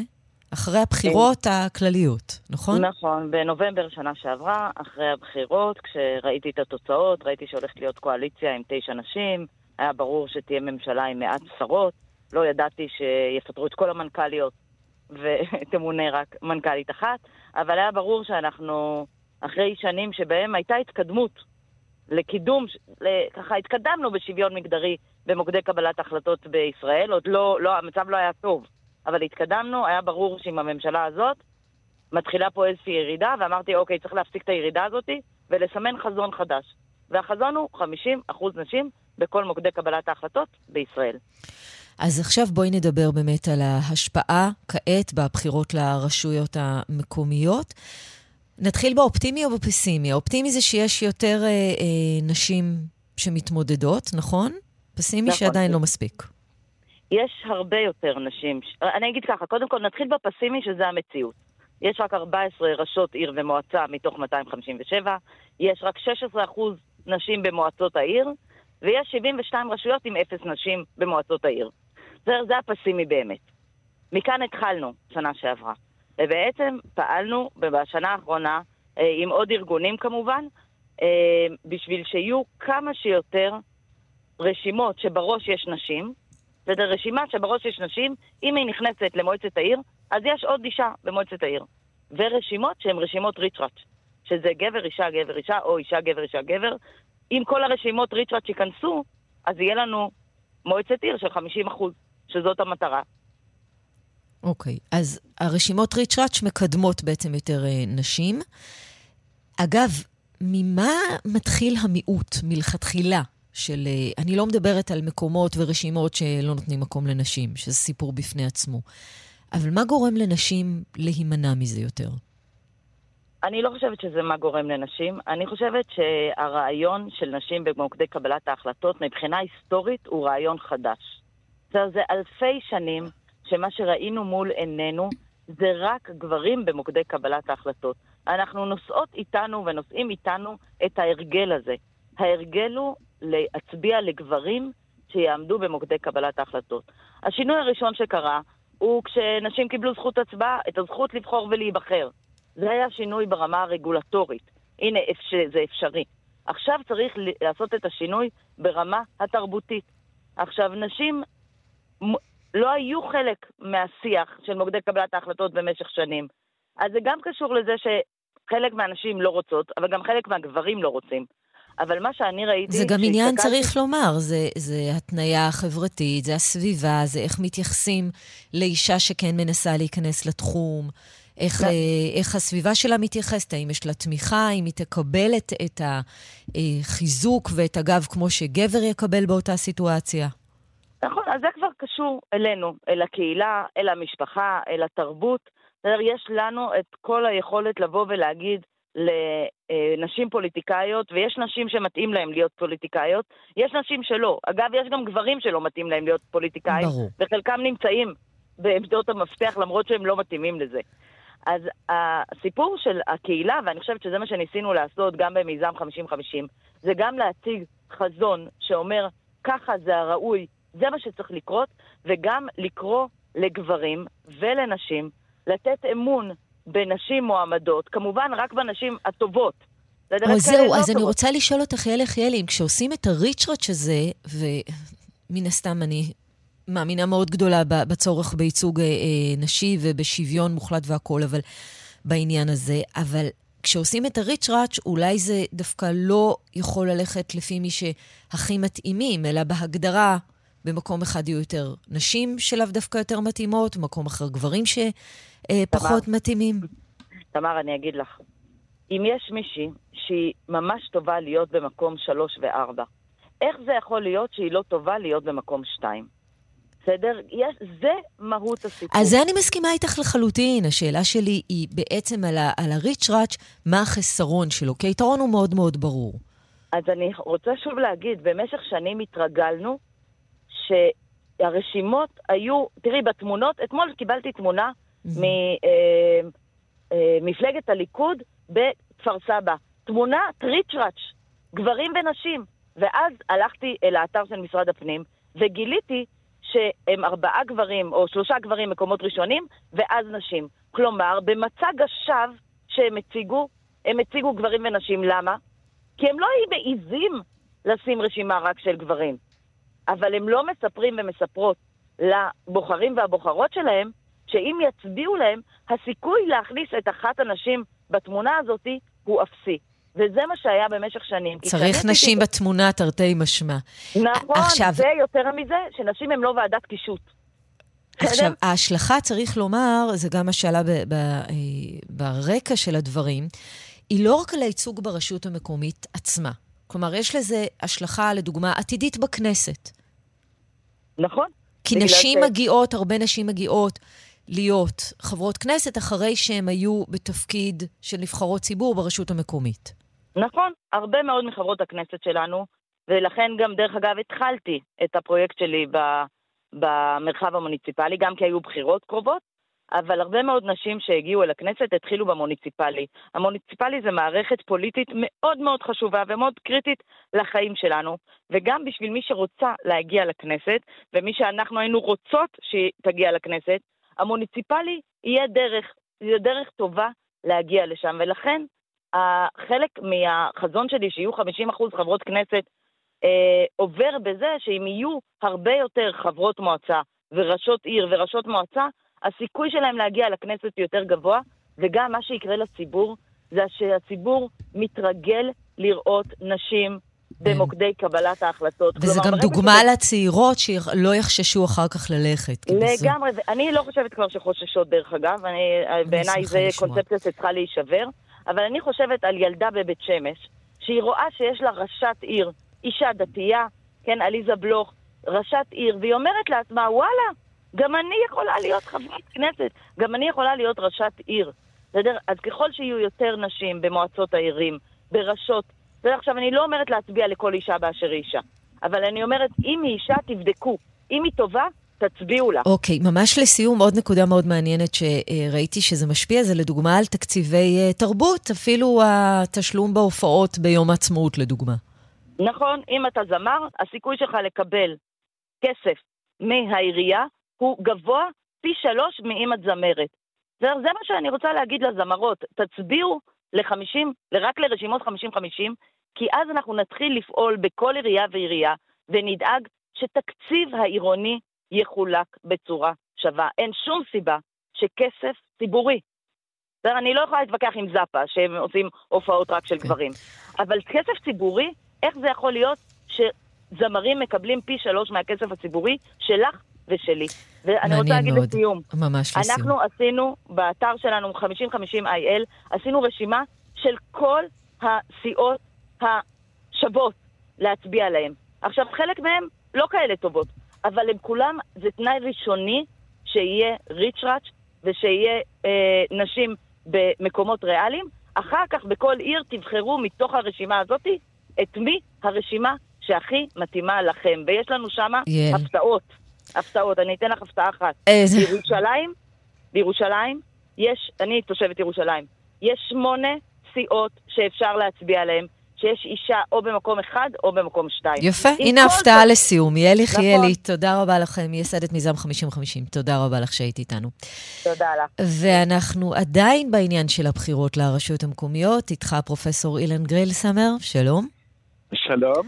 פרופסור למדעי המדינה באוניברסיטת בר אילן, ראש החוג לפוליטיקה וממשל במכללה האקדמית אשקלון, ומי שיענה לנו על השאלה איך המלחמה משפיעה על דפוסי הצבעה.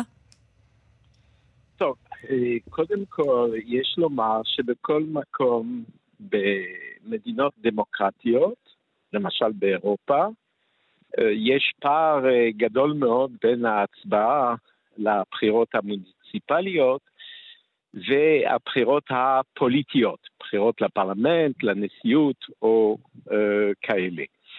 הפער הזה קיים בכל מקום.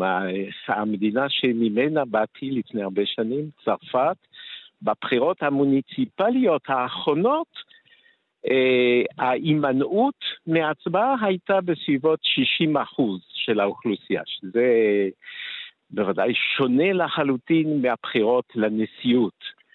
אז צריך לזכור שעבור הרבה מאוד אנשים, אה, בחירות לכנסת זה משהו גורלי, אה, חיים ומוות, אה, מלחמה, שלום וכולי, בשעה שבמוחם של הרבה אנשים בחירות מוניציפליות זה עניין של אה, אה, תברואה, אה, של מים, או דברים שהם לא זניחים.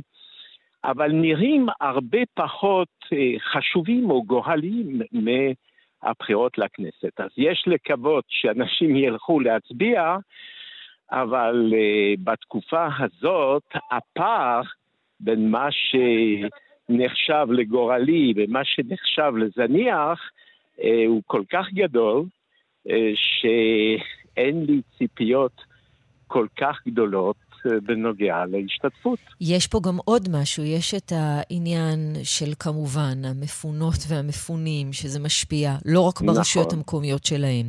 יש את העניין של מי שבמילואים. כן, אז, אז בהחלט. גם לכל הדברים האלה יש השפעה מן הסתם.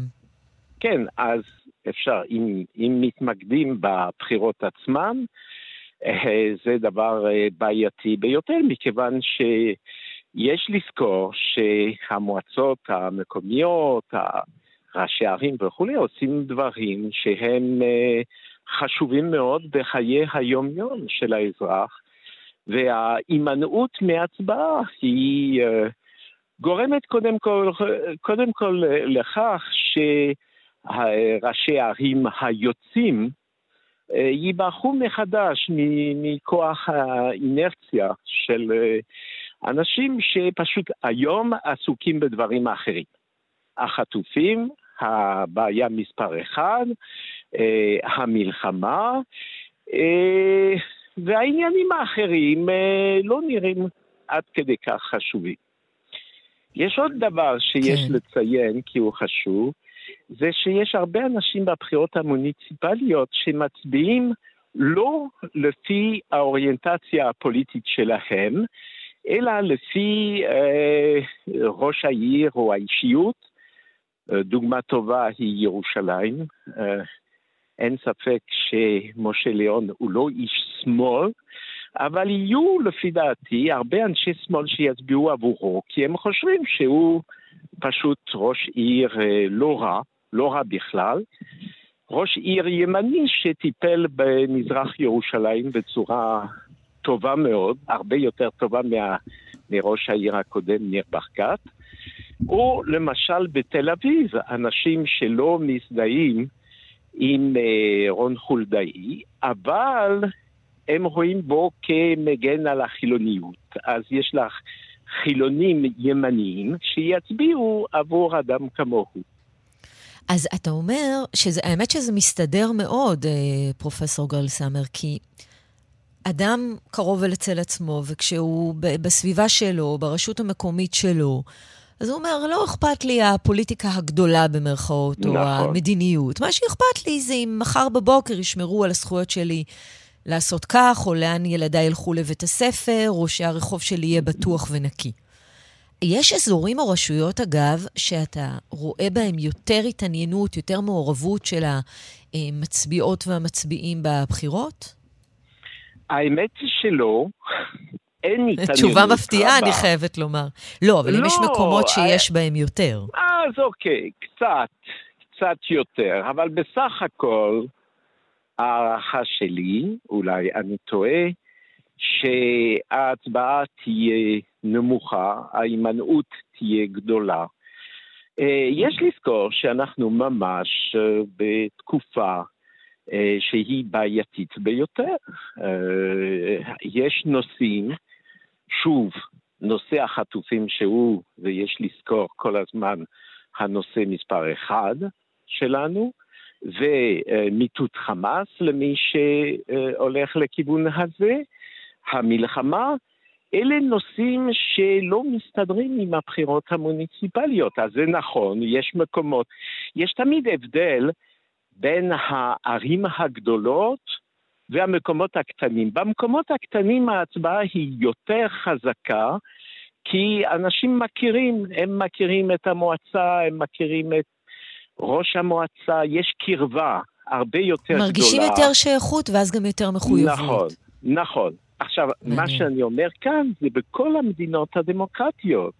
אותו דבר, למשל בעיר, אה, בעיר גדולה כמו אה, פריס או לונדון וכולי, אנשים לא כל כך מכירים מי הם אה, חברי מועצת העיר וכולי. לעומת זאת, למשל אצלנו במועצה מקומית, אה, כולם מכירים את כולם, ולכן יש okay. אוקיי. יותר רצון להצביע. ועוד דבר אחרון, כן. זה הצעירים. הצעירים אולי מעוניינים ללכת להצביע, אני מתכוון גילאים 18 עד 24, מוכנים ללכת להצביע לכנסת, אבל הם הרבה פחות רגישים לחשבונות המים ולכל מיני תחומים חשובים מאוד, אבל שהם תחומים מקומיים או אזוריים פחות אה, מרתקים, הייתי אומר. מעניין מאוד. פרופסור אילן גרל סאמר, תודה רבה לך שהיית איתנו. בבקשה, להתחרות. הפסקה קצרה ונחזור. אנחנו כאן ואנחנו רוצים להיות גם בהאג, אה, כלומר לדעת מה קורה שם, ויש הרבה שקורה, ולא רק שם. דוקטור רועי שנדור, שלום. שלום תמר, שלום למאזינים. לשעבר המשנה ליועצת המשפטית לממשלה לעניינים בינלאומיים, כיום שותף במשרד עורכי הדין הרצוג. האמת שיש בעצם, כשאנחנו אומרים האג, יש שלושה דברים. האחד, אולי נעשה סדר איפה אנחנו עומדים, וכמה, אם בכלל, להיות מודאגים. יש את בית הדין הפלילי בהאג, שבו יש כבר שנתיים פלוס חקירה פתוחה נגד ישראל, והתובע שם מתבטא בימים האחרונים בצורה שתכף אתה תגדיר איך היא, האם צריך לדאוג ממנה. יש את בית הדין הבינלאומי לצדק, שבו יש גם את התביעה של דרום אפריקה נגד ישראל, וגם הליך שמתנהל בימים אלו, של מה שנקרא חוות דעת מייעצת, שדנה בחוקיות השליטה של ישראל ביהודה ושומרון. עשיתי, סגרתי את הסדר בגדול? כן, זה נכון okay. אוקיי. מאוד. יש שלושה הליכים, אגב, דבר מאוד uh, לא שגרתי, שכאילו כלפי מדינה אחת יש uh, שלושה הליכים שמתנהלים uh, בבתי הדין השונים בהאג, זה בהחלט לא, לא מצב שהוא רגיל. אוקיי, okay, אז בוא באמת נתחיל במה שהכי רלוונטי לנו. מה לדעתך, אני מניחה שזאת התביעה של דרום אפריקה נגד ישראל בהאג. אני חושב ששלושת ההליכים כל אחד מהם אה, מייצר אה, סיכונים, אה, סיכונים לא מבוטלים למדינת ישראל. וההצטברות של שלושתם ביחד היא חלק מאיזשהו קמפיין משפטי גדול שאנחנו מתמודדים איתו כמדינה בימים האלה. אנחנו מתמקדים עכשיו בשיחה בדברים שקורים בהאג, אבל במקביל קורים גם דברים בתוך המדינות עצמם. יש הליכים במדינות שונות בניסיון למנוע מהמדינות למכור נשק למדינת ישראל. יש יוזמות לחרמות, יש תלונות פליליות שמוגשות נגד אה, אה, בכירים במדינה ובצבא במדינות שונות. אז יש כאן קמפיין, אה, קמפיין משפטי שלם, שבאמת בפסגה שלו אנחנו רואים את שלושת ההליכים האלה בהאג. כמה יש באמת הזנה הדדית בין הדברים האלה? כי לכאורה ה-ICC וה-ICJ, שני בתי הדין בהאג, לא אמורים להיות קשורים ישירות. זה לזה, לא, אבל יש, כן יש הזנה הדדית. יש השפעה מאוד אה, מאוד גדולה. אה, בהרבה מאוד אה, מדינות לוקחים מאוד מאוד ברצינות את הפסיקות והקביעות של בתי הדין הבינלאומיים בהאג, אפילו כש, כשהן לא מחייבות, כמו חוות הדעת המייעצת, מדינות מתייחסות אל, אל הדברים האלה כאילו הם, כאילו הם מחייבים, ובמיוחד בתי משפט מדינתיים.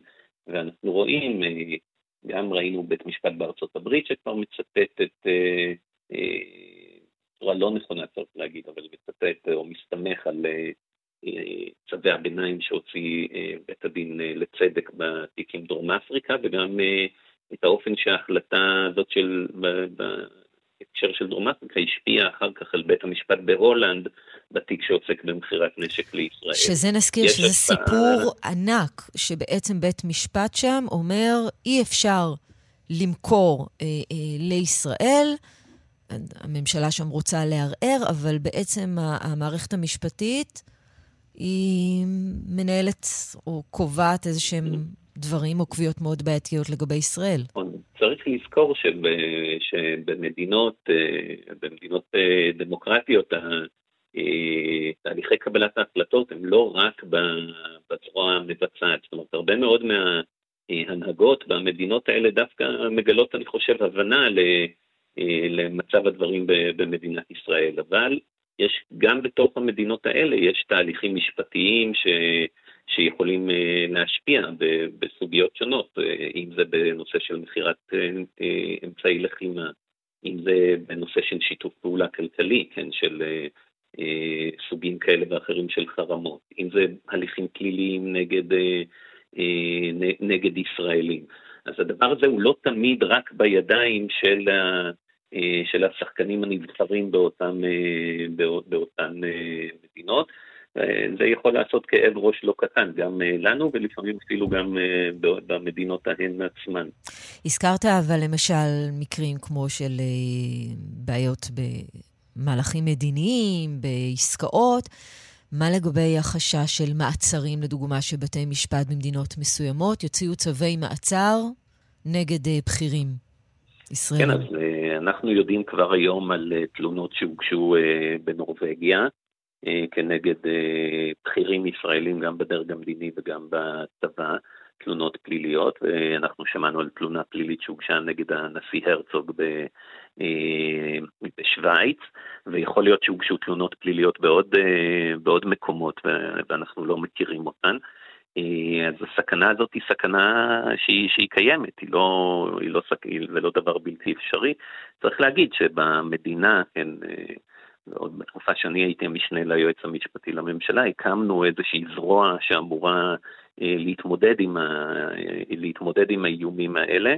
אבל אתה לא יכול להוציא מכלל אפשרות ש, שבמקרה מסוים שלא, שלא הכרת או ש, ש, שיגיע באמת, ינחת אה, קצין אה, או ינחת אה, שר ו... ו... ויהיה ניסיון לעצור אותו, תהיה, תהיה מבוכה כאילו סביב הדבר הזה. יש החלטה של ישראל שחשפנו בכאן חדשות להגיש את הדוח לבית הדין בהאג. יש בעצם עד אמצע שבוע הבא להגיש את הדוח הזה. נזכיר, זה אחד הסעדים בעצם שבית הדין נתן לדרום אפריקה או נגד ישראל. והאם שיתוף הפעולה הישראלי הזה, שיש לו הרבה מאוד יתרונות, זה מה שיכול גם להציל אותנו, או שאתה מבין גם את הטענות שבאות ואומרות, אם כבר נגדנו בזה שאנחנו משתפים פעולה, אנחנו דווקא מחזקים אה, מהלכים נוספים? אני חושב ש... כאילו, האם שיתוף הפעולה יכול אה, להציל אותנו? אני לא, לא בטוח שלהציל זה, זה המילה הנכונה. למזער נזקים, למז... אני אדייק את המינוח, כן, למזער נזקים. אני חושב ששיתוף הפעולה, ב... או העובדה שישראל השתתפה בהליך בדרום אפריקה, בהחלט אה, הועילה כדי למזער את, ה... את הנזק הפוטנציאלי ש...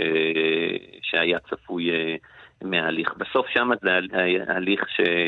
שכן נתפס כמחייב. אה, ובעצם הליך ש, שיש בו שני צדדים, ואם ישראל לא הייתה משתתפת, בעצם לא היה בפני בית הדין שום דבר שמסביר את העמדה הישראלית אל מול uh, עלילת הדם, אני לא חושב שאפשר לכנות את זה אחרת, שהציגה דרום, uh, דרום אפריקה. אם לא היינו, שהעובדה... רק אני קוטעת אותך כדי לומר שאם לא היינו משתתפים בזה, אז הסיכון שמדינות, לדוגמה, יחליטו שלא עושים עסקאות עם ישראל, או אפילו שארצות הברית תתקשה להטיל וטו במועצת הביטחון, זה הסיכון ממשי מאוד. אני חושב שהסיכוי, אם לא היינו משתתפים, אני חושב שיש סיכוי לא מבוטל שבית הדין היה מוציא צו אה, אה משמעותי יותר, צו ש... שבעצם מתיימר להתערב ב, ב, בהמשך הלחימה. במצב כזה היה הרבה יותר קשה למדינות לסייע ללחימה, בהנחה שישראל לא הייתה מצייתת לצו הזה, היה יותר קשה למדינות אה, לסייע ל, לישראל אם היא נלחמת בניגוד לצו של, אה, של, של בית הדין. אז אני שייך לאלה שחושבים שגם הצו שהוציא בית הדין הוא צו אה, של, שלא היה לו, לא הייתה לו שום הצדקה בשום מקום. אני חושבת שרוב, חושב... אני חושבת שרוב כאן יסכימו איתך.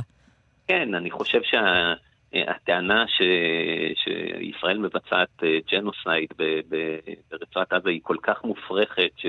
ש... שבאמת יש כאן דוגמה לניצול לרעה של ההליכים הבינלאומיים, והיה טוב אם בית הדין היה, היה שם, מניח איזשהו גבול אה, לדבר הזה, אבל כנראה שכשזה מגיע בהקשר הישראלי-פלסטיני, זה, זה יותר קשה למוסדות הבינלאומיים להניח להניח את הגבולות האלה, ועל זה צריך להצטער. וממש ממש אה, לסיום, אה, ככה במשפט, אה, הפרקליטה הצבאית הראשית מוציאה איגרת שנוגעת למה שקורה בעזה, ללוחמות, ללוחמים, למפקדים, והיא אומרת שם, כשנתקלו גם במקרים פסולים, בהתנהלות פסולה, גם זה יכול להשפיע מן הסתם על המאבק במאבק המשפטי של ישראל.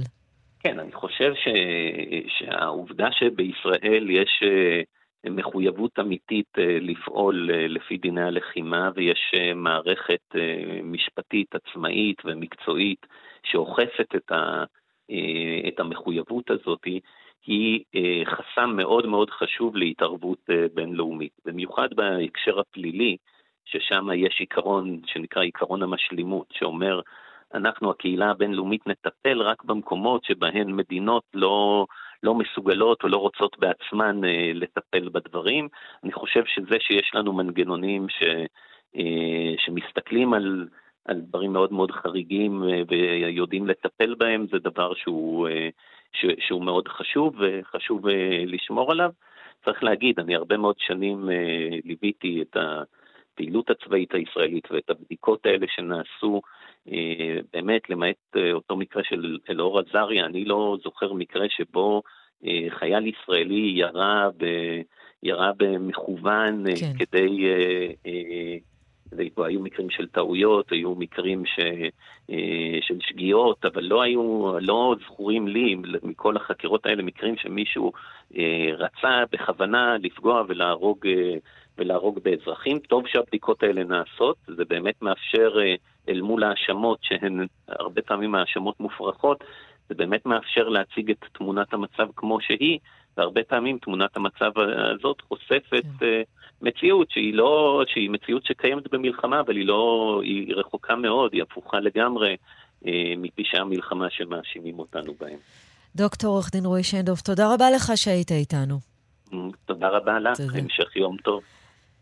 ועכשיו למעקב על הסטודנטים שמשרתים במילואים, שחזרו ממילואים ללימודים, ואנחנו איתך, רון פרץ, שלום. שלום, תמר. סטודנט, משרת במילואים נאמר, פורום הלוחמים המשוחררים, נכון? מילואימניקים אה, אה, בחזית. ספר לנו קודם כל, כן. לא, בסדר, כל מה שאמרת נכון. אני, אני פה בשביל באמת להציג את הבעיות הקיימות, ואני חושב שאפשר לשפר ולטייב את המצב הקיים, כי יש הרי מתווה שהאוניברסיטאות והמכללות קבעו, אבל יש בו המון ליקויים במתווה ויש המון מקומות לשפר. ו... אז בוא באמת נדבר, עכשיו. זהו, כבר, כבר אה, דיברת אה, כאן אה, בעבר, נזכיר, אתה במילואים מ-7 באוקטובר, ואתה סטודנט שנה שנייה למשפטים, נכון? נכון, סטודנט שנה שנייה, אני גם עושה כלכלה ופילוסופיה במהלך, במהלך התואר שלי. Mm-hmm. אני רוצה לציין שהשתחררתי לפני... מסלול הפק"ם המרתק, כן. אה, זה נקרא מכפיל, זה משהו חדש, כן. אבל לא נתעכב עליו רגע. אה, אני רוצה לציין שהשתחררתי לפני שבועיים ממילואים, אה, שכמובן, אני, זה הנקודה הראשונה שאני רוצה לגעת בה, שיש לי כבר צו מילואים להמשך השנה לחודש מאי. עכשיו, הסיפור שלי הוא סיפור של כל המילואימניקים, והמתווה הקיים הוא נוגע בהכרח רק בשלב הראשוני של השנה. זאת אומרת, אין באמת ודאות לגבי מילואימניק שיצא עוד פעם למילואים לקראת סוף השנה, ועכשיו כולם יודעים שזה משהו שהולך לקרות. ועדיין uh, המוסדות לא בחרו להתייחס לנושא הזה ולהקדים תרופה למכה, אלא אנחנו נצטרך להגיע לבעיה, ושוב פעם הבעיה תצוף ותעלה, ויש פה עכשיו איזה מנגנון שהתחילו לפתח, ואני חושב שיהיה נכון וראוי אם נתחיל לעשות את זה כבר uh, מהימים האלה. אז אתה אומר, קודם כל צריך כבר להסתכל עתידית על מה שהולך לקרות. בוא נדבר על מה שהיה עד כה, כי בעבר uh, סיפרת על הקשיים בעצם בלהשלים את החומר. אז אני אגיד דבר כזה, מבחינת השלמת החומר, אה, יש, ה, יש מנגנונים שקבעו שהולכים להיות עכשיו, ומה שחורה לי בעיקר, שלא כל המוסדות באמת מקפידים על אה, להשלים את המנגנונים שהם עצמם קבעו להם. זאת אומרת, לי יש חבר שהייתי במהלך כל המילואים, הוא חבר טוב שלי כבר הרבה שנים גם בשירות הסדיר, ואני מביא אותו דוגמה כי הדוגמה שלו מאוד מאוד כואבת לי ב, ב, ב, גם בצורה אישית וגם אני חושב שהיא תיתן אה, דוגמה טובה למצב הקיים. הוא נכשל באחד מהקורסים שלו, לומד באחת המכללות במרכז הארץ. הוא נכשל באחד הקורסים שלו השנה, אה, סליחה, שנה שעברה, והשנה, בגלל הכישרון בשנה שעברה, לא נותנים לו בעצם אה, להשתתף בכל המתווה שהכינו למילואימניקים. אה, ושלחנו מכתבים ושלחנו פניות למנכ"ל של, ה, של המכללה, וכרגע שום דבר לא עוזר. ואני חושב שזה באמת אה, חרפה לאותו מוסד שיש מילואימניק, שבשנייה שקראו לו להתייצב, הוא גם התייצב עוד הפעם. ושעכשיו הוא חוזר חזרה לחיים האישיים והאזרחים שלו, לא נותנים לו בעצם את המתווה שקבעו לכל המילואימניקים, כי הוא נכשל בקורס אחד ספציפי.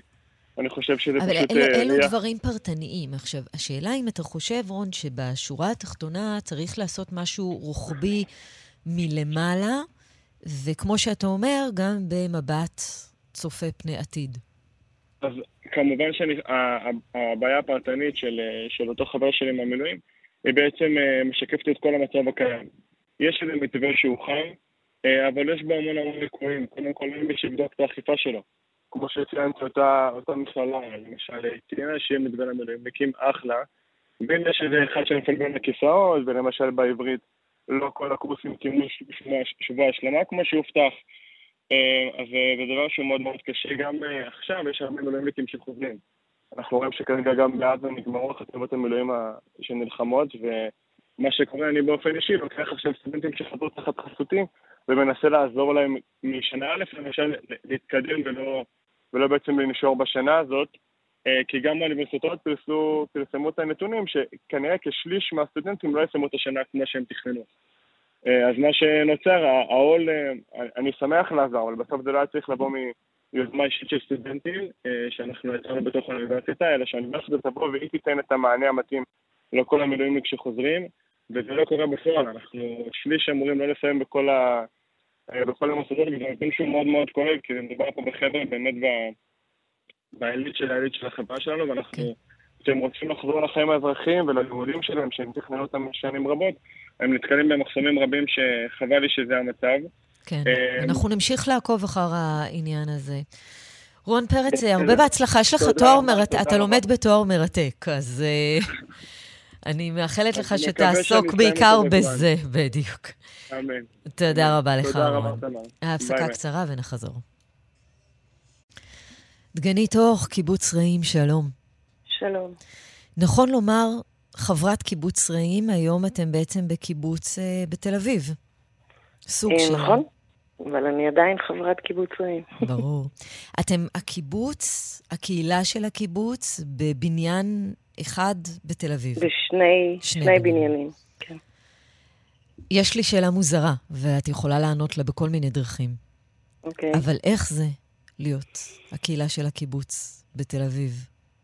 אין סתירה גדולה יותר.